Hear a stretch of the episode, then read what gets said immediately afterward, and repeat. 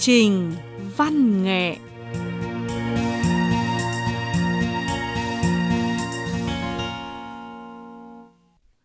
Ngọc Ánh xin chào mừng quý vị và các bạn thưởng thức chương trình văn nghệ cuối tuần trên sóng và trên mạng Đài Phát thanh Quốc tế Trung Quốc. Thưa các bạn, nhiều bạn yêu văn học, viết thư hoặc nhắn tin đề nghị Ngọc Ánh không nên gián đoạn giới thiệu những bài tản văn hay của các nhà văn nổi tiếng Trung Quốc.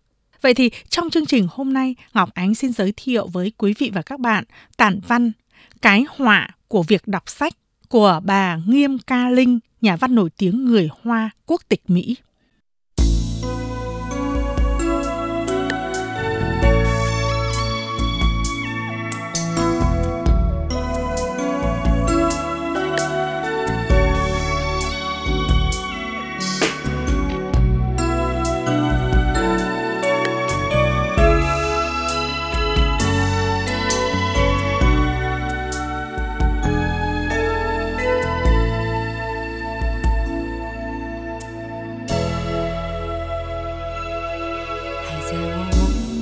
Nhắc đến nhà văn Nghiêm Ca Linh, nhiều thính giả Việt Nam không quen thuộc lắm.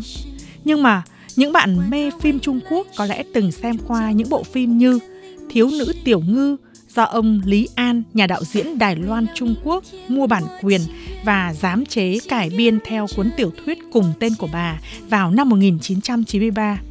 Về sau, bộ phim này đã đoạt giải phim xuất sắc trong Liên hoan phim quốc tế khu vực châu Á Thái Bình Dương. Năm 2009, nhà đạo diễn nổi tiếng Trung Quốc Trương Nghệ Mưu đã chọn tiểu thuyết Kim Lăng Thập Tam Thoa của nhà văn Nghiêm Ca Linh xây dựng thành bộ phim cùng tên.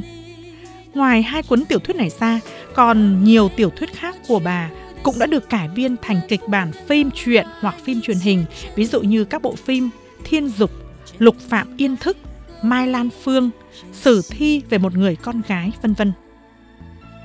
Các bạn đang nghe ca khúc Quyết định do nghệ sĩ nổi tiếng Đài Loan, Trung Quốc Lưu Nhược Anh trình bày. Đây là bài hát chủ đề trong bộ phim Thiếu nữ tiểu ngư, cải biên theo tiểu thuyết cùng tên của nhà văn Nghiêm Ca Linh.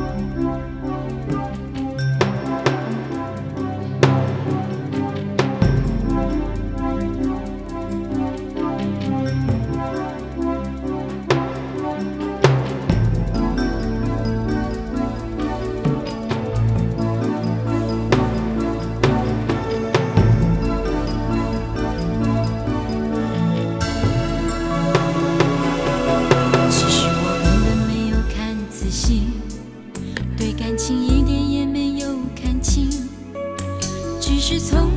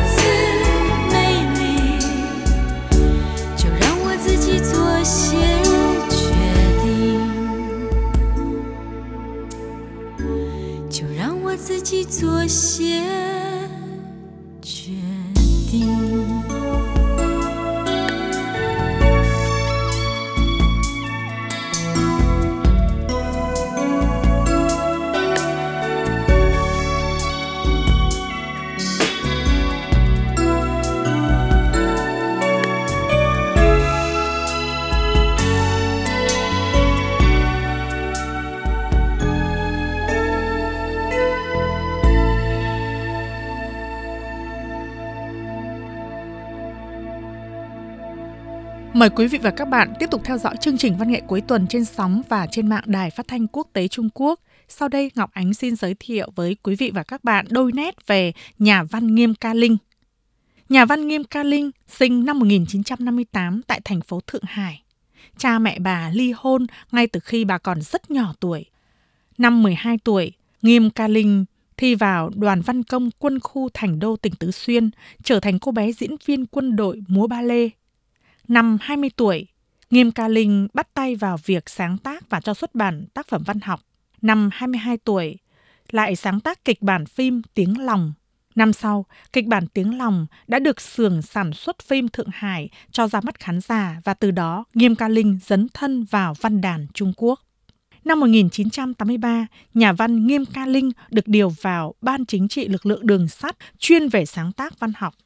Chính quãng đời quân nhân đã cung cấp cho Nghiêm Ca Linh nhiều nguồn về đề tài sáng tác. Năm 1992, nhà văn Nghiêm Ca Linh gả cho người Mỹ rồi định cư bên đó. Năm 2004, bà theo chồng đi châu Phi và trở thành phu nhân của quan chức ngoại giao Mỹ. Nhiều năm cư trú ở nước ngoài, bà đã để lại dấu chân tại nhiều địa danh trên thế giới, khiến tình cảm của bà được lắng động, kiến thức trở nên phong phú, quan niệm nghệ thuật cho sáng tác cũng trở nên mới mẻ. Sau đây, mời quý vị và các bạn thưởng thức ca khúc Theo em đến tận chân trời. Đây là bài hát chủ đề trong bộ phim Trở về được cải biên theo tiểu thuyết Lục Phạm Yên Thức của nhà văn Nghiêm Ca Linh do nghệ sĩ Hàn Lôi trình bày.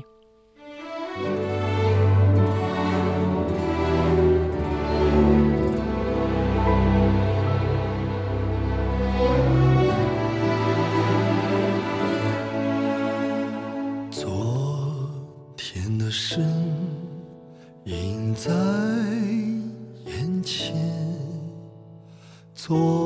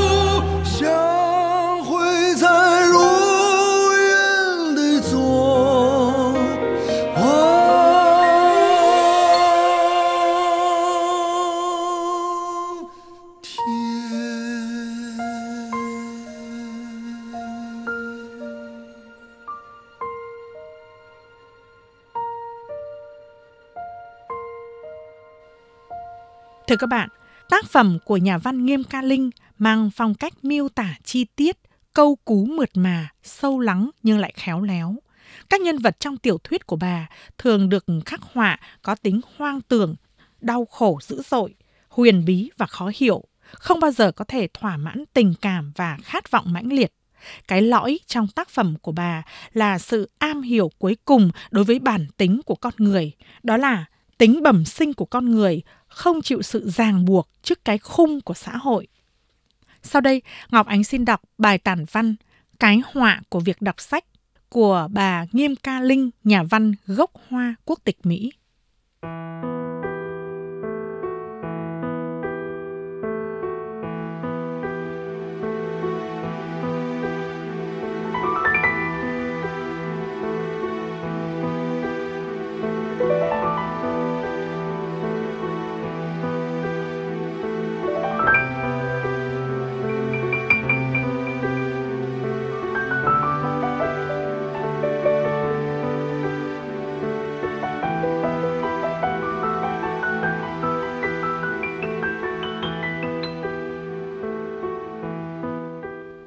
Những cuốn sách tôi đọc khi đáp xe đều được chọn riêng ra. Độc giả Văn Trích, New York, Time là những tạp chí tôi thích đọc nhất mỗi khi đáp xe. Đây là loại tạp chí mang bên mình rất tiện. Phần lớn nội dung đều là đầu đề các câu chuyện sự kiện nóng hổi trong nước Mỹ. Mỗi khi đọc thường bị lôi cuốn luôn. Còn nữa, độ dài các bài đăng trong tạp chí thường khớp với thời gian hành trình của tôi.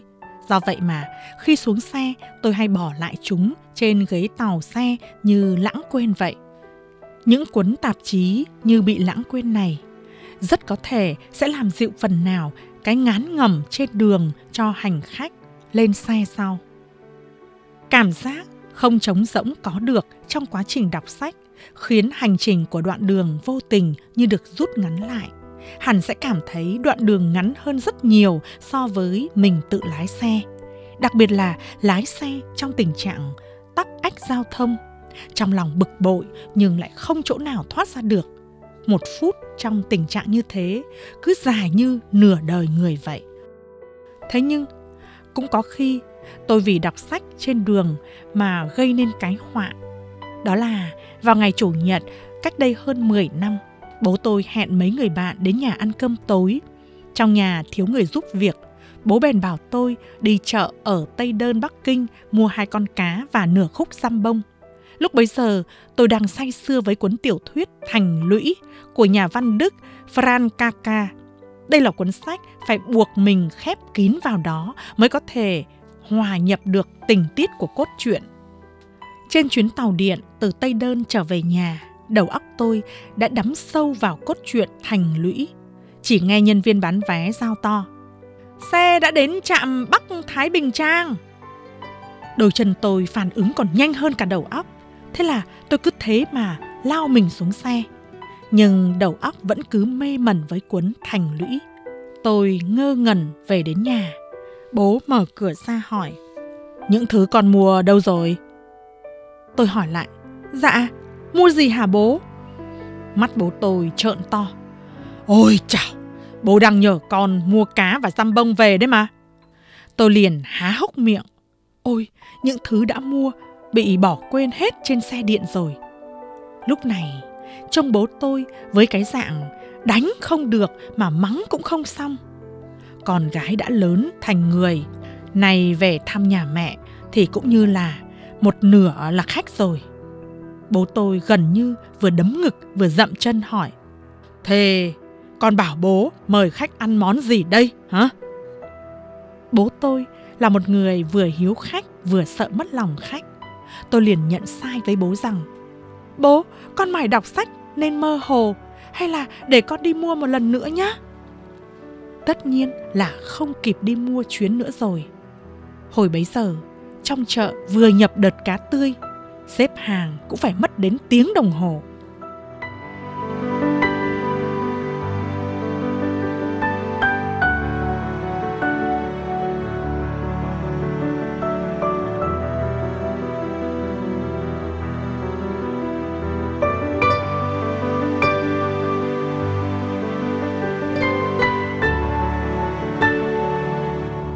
Sau khi đến Mỹ, đó là tôi và chồng tôi đang trong giai đoạn yêu nhau.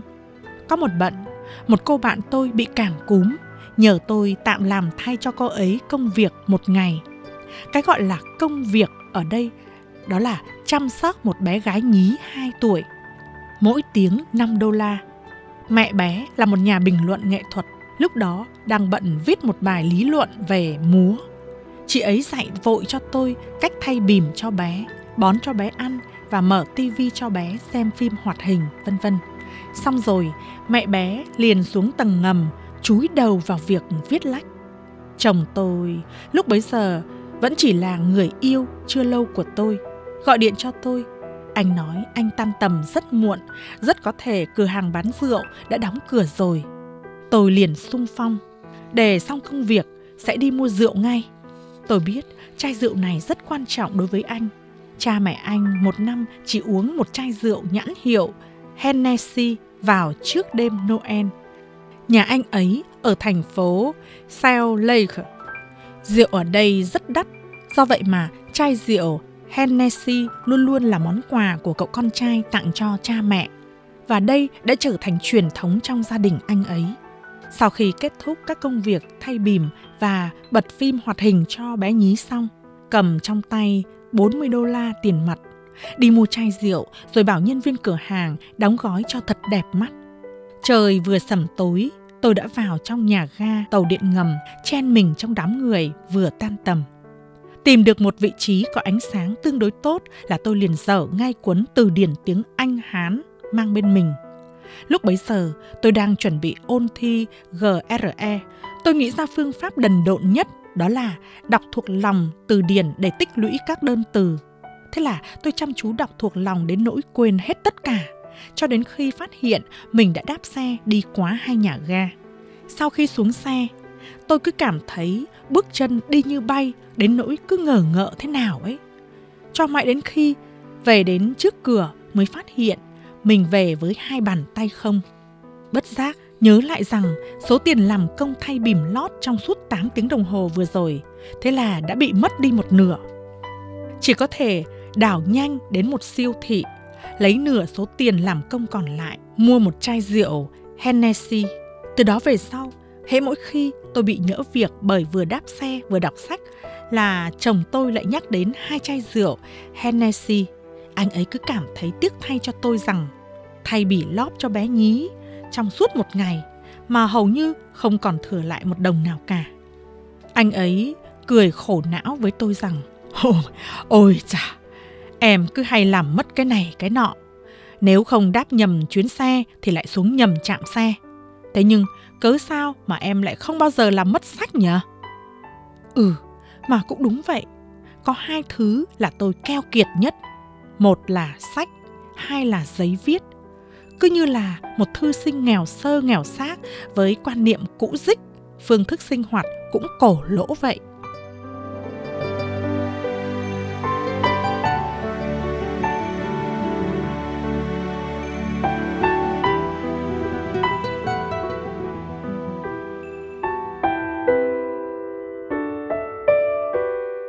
Có một bận trên chuyến tàu hỏa từ Washington đến New York sau khi vừa đọc xong cuốn Lolita, nước mắt tôi giàn giụa cứ nấc lên mà không đừng lại được.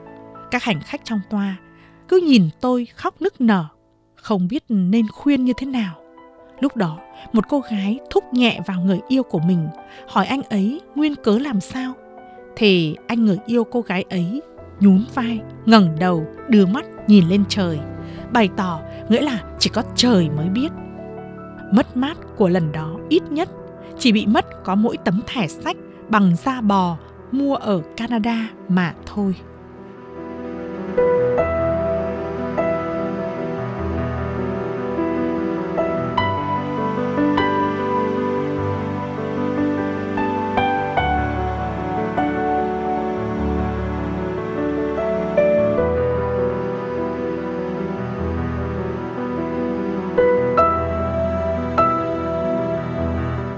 Các bạn thân mến, trên đây Ngọc Ánh vừa giới thiệu với các bạn bài tản văn Cái họa của việc đọc sách của nữ nhà văn người Hoa quốc tịch Mỹ Nghiêm Ca Linh và đôi nét về thân thế và sự nghiệp của bà.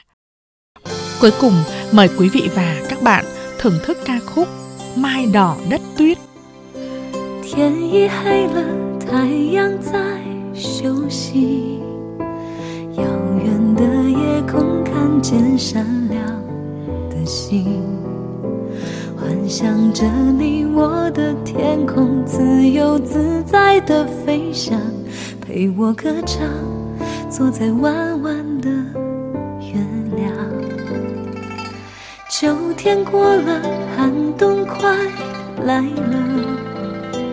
看见梅花枝叶散落在眼前，星光闪耀的眼，却触不到你的脸，独自眷恋，回忆再不能停息。雪花红梅飘在空中。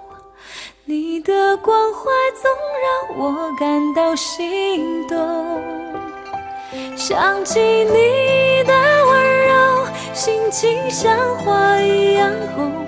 其实我也害怕寒雪的刺痛，雪花红梅飘也冰冻，烛光点燃，让我幻想着美梦。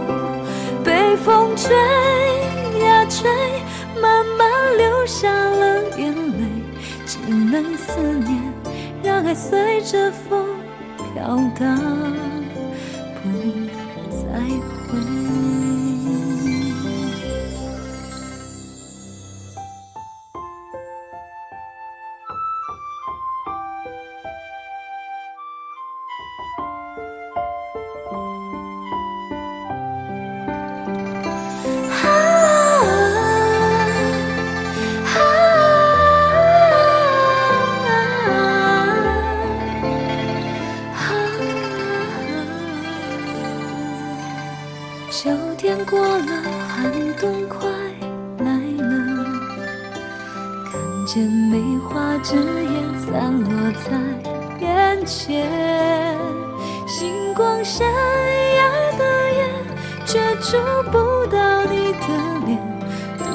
眷恋，回忆再不能停息，雪花红梅飘在空中。你的关怀总让我感到心动，想起你的温柔，心情像花一样红。其实我也害怕寒雪的刺痛，雪花红梅飘也冰冻，烛光点燃，让我幻想。Chương trình văn nghệ cuối tuần đêm nay xin tạm khép lại ở đây. Hoan nghênh các bạn lượt thích hộp thư Ngọc Ánh trên Facebook.